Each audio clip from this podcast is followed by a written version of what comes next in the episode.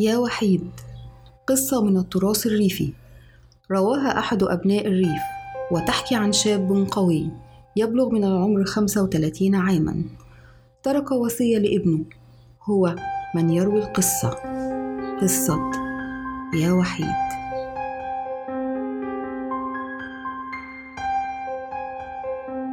كان وحيد من أقوى رجال القرية وأضخمهم جثة. وكمان من أقوى الرجال في الصيد وكان بيقدر يقتل ذئب بإيده. كان عنده برنامج يومي وأول حاجة يعملها الصبح يركب حصان ساعة الصبحية ويروح ناحية البرية علشان يصطاد فطاره في قرية الشبان التلاتة. وفي نهاية الطريق اللي بيودي لخارج القرية كان في ترعة في الناحية الشمال لازم يعدي عليها. وحيد عنده 35 سنة. كل يوم بيعمل نفس الحكاية. كان بيعتبرها مجرد ترعة عشان يروي بيها الزرع ويشرب المية. كان بيقف عندها ويمسك الجردل وينزله في الترعة. يسحبه يشرب ويغسل وشه كمان.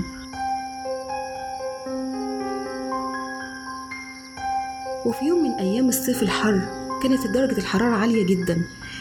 الترعة نشفت في القرية وبيستعملوا الترعة الكبيرة اللي بتغذي جميع الترع اللي في القرى اللي حواليها. وكانت بتوصل لهم المية. لكن وحيد كان كده كده بيعدي على الترعة. وفي يوم من الأيام نسي إنه ينزل من على حصانه ويبص في الترعة زي عادته. يمكن كان منظر الترعة المتشقق في من حرارة الشمس ما شجعوش قوي إنه يبص عليها. لكن فجأة يا وحيد اتجمد وحيد مكانه.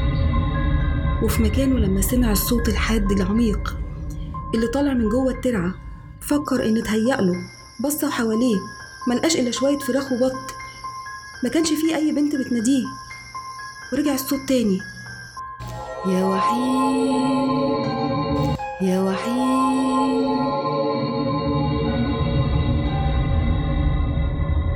الصوت اتكرر مرة تانية.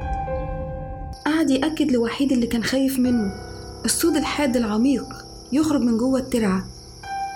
حاول يكدب نفسه ونزل من على حصانه وقال أنا وحيد أقوى رجل في القرية هخاف من صوت بنت؟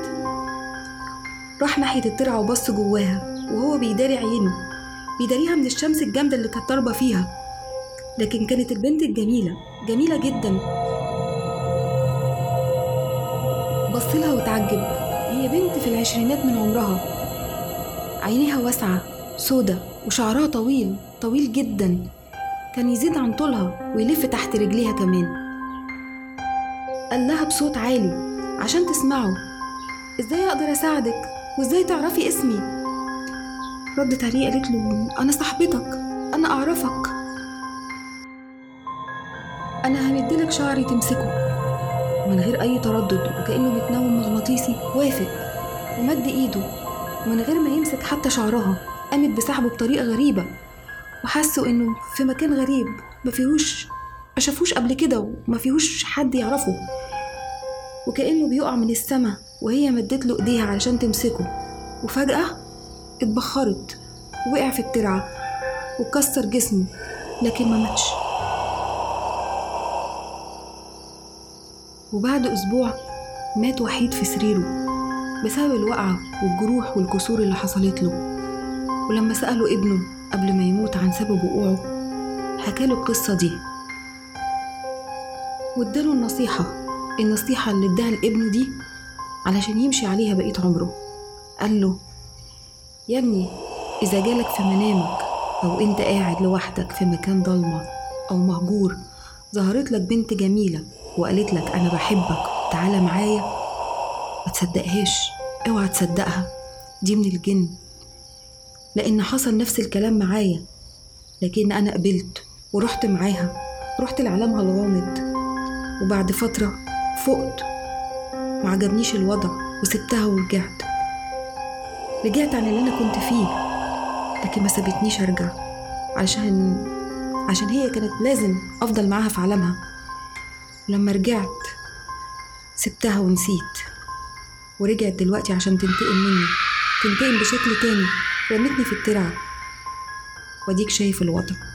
اوعى يا ابني اوعى تروح معاها. ممكن يعجبك الجن. وممكن يعجبك عالمهم. ممكن الجن يعجب بالإنس لكن عالمنا غير عالمهم. اوعى تقبل اوعى تقبل.